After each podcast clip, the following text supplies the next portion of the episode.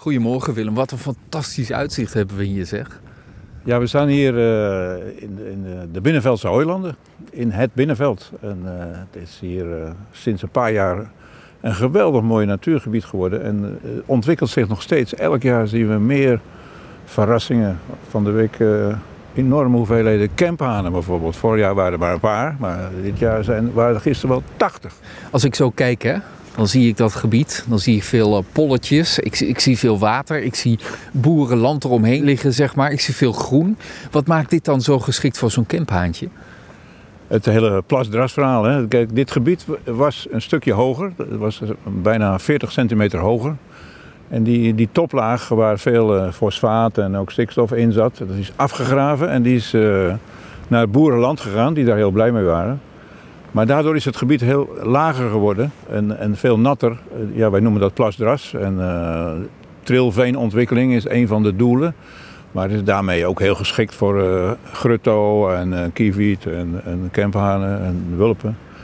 Die zijn hier dus heel talrijk ondertussen. Ja, komt er een auto voorbij rijden. Dat is wel grappig, want dan draai ik me om. Nou, dan zien we die auto rijden. Maar ik zie ook een bordje met, uh, met 13. Dat is knooppunt 13. Voor de fietsers is dat uh, goed om te weten, geloof ik. Hè? Ja, knooppunt 13. Kijk, fietsers kunnen om het hele gebied uh, heen fietsen.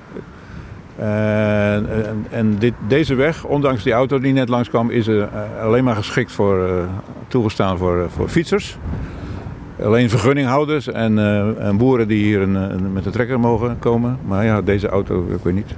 Geen vergunning blijkbaar. Nee. Nou ja, soms, soms, heb je dat. En niet iedereen houdt zich aan de regels. Nee. Je zei sinds een paar jaar is dit nog maar natuurgebied. Dat gaat best snel dan als je dat zo ziet, toch? Want ja, dit, dit ziet er echt wel uit als een natuurgebied. Ik, ik zie de landbouw er niet in terug, zou ik bijna zeggen. Nee. Nou ja. Dit proces heeft wel een paar jaar geduurd. Hè? In uh, 2015 of zo kwam de provincie met de uitnodiging uh, van... Uh, dit heeft een natuurbestemming, kom met plannen hoe we dat gaan inrichten. En toen waren de, de, Agrarische Natuurvereniging, de boeren zullen we zeggen, de Vereniging Mooi Wageningen en de Staatsbosbeheer kwamen allemaal met een plan. En toen waren er drie plannen. Hè? En toen zei de provincie, nou dat is wel leuk, maar kunnen jullie niet samenwerken? Sterker nog, wij willen graag dat jullie samenwerken. Jullie maak moeten één, samenwerken. Jullie, dat ja, nog net niet, maar ja. maak één plan. Ja. en dat heeft een jaar geduurd of zo, maar dat is gelukt.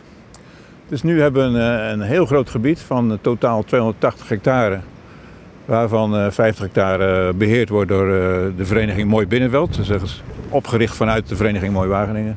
Dat zijn de burgers van Wageningen en Bennekom en Ede. En ook een aantal uit Veenendaal en Renen.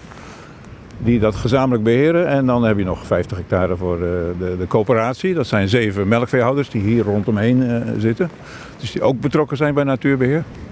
En nog een heel stuk meer richting Veenendaal van uh, Staatsbosbeheer. Waarom is het zo belangrijk dat dit een natuurgebied geworden is dan? Want die landbouw ja, is toch ook mooi? Landbouw is prachtig en uh, zeker in het begin waren er ook nog wel wat discussies met bijvoorbeeld de Weidevogelvereniging. Van, gaat het uh, omzetten van weides in natuur niet ten koste van de weidevogels? Maar het belang is met name voor de vegetatieontwikkeling. deze gronden zijn heel uniek in termen van opborrelende kwel dankzij die, uh, die stuwwallen die aan weerskanten zijn. Hè, de, de Veluwe en de, en de Grebbeberg, Utrechtse ja. Heuvelrug. Ja, daar hoog water, dat wordt naar beneden geduwd en hier komt het weer naar boven de grond uit. Ja. En dat is basiswater, dus dat is niet zuur, maar basis. En de neerslag is over het algemeen tamelijk zuur. Ja. En die basische kwel die zorgt ervoor dat je dan toch, ondanks die omstandigheden, een hele bijzondere vegetatie krijgt. Dat zien we ook al terugkomen. We zien de orchidee al terugkomen. We zien al klokjes gentiaan. Klokje, klokjes gentiaan vinden wij al heel bijzonder, want er hoort een bepaalde mier bij. En uiteindelijk hopen we dan dat het gentiaanblauwtje, een, een, een vlinder, die, die bij die twee hoort. Die kunnen niet zonder elkaar. Dus dat, uh, ja, dat, dat, dat, gaat de goede kant op. Ja. En die vegetatieontwikkeling die, die was eigenlijk verdwenen. Het was alleen maar gras. Uh, hier en daar nog wel wat uh, kruiden, maar over het algemeen was het uh, te veel gras, zoals je hiernaast ook kunt zien. Waar we wel al de fazant tegenkwamen, hè? want ja. we zijn via Klompenpad hier naartoe gegaan. Mooi stukje ook.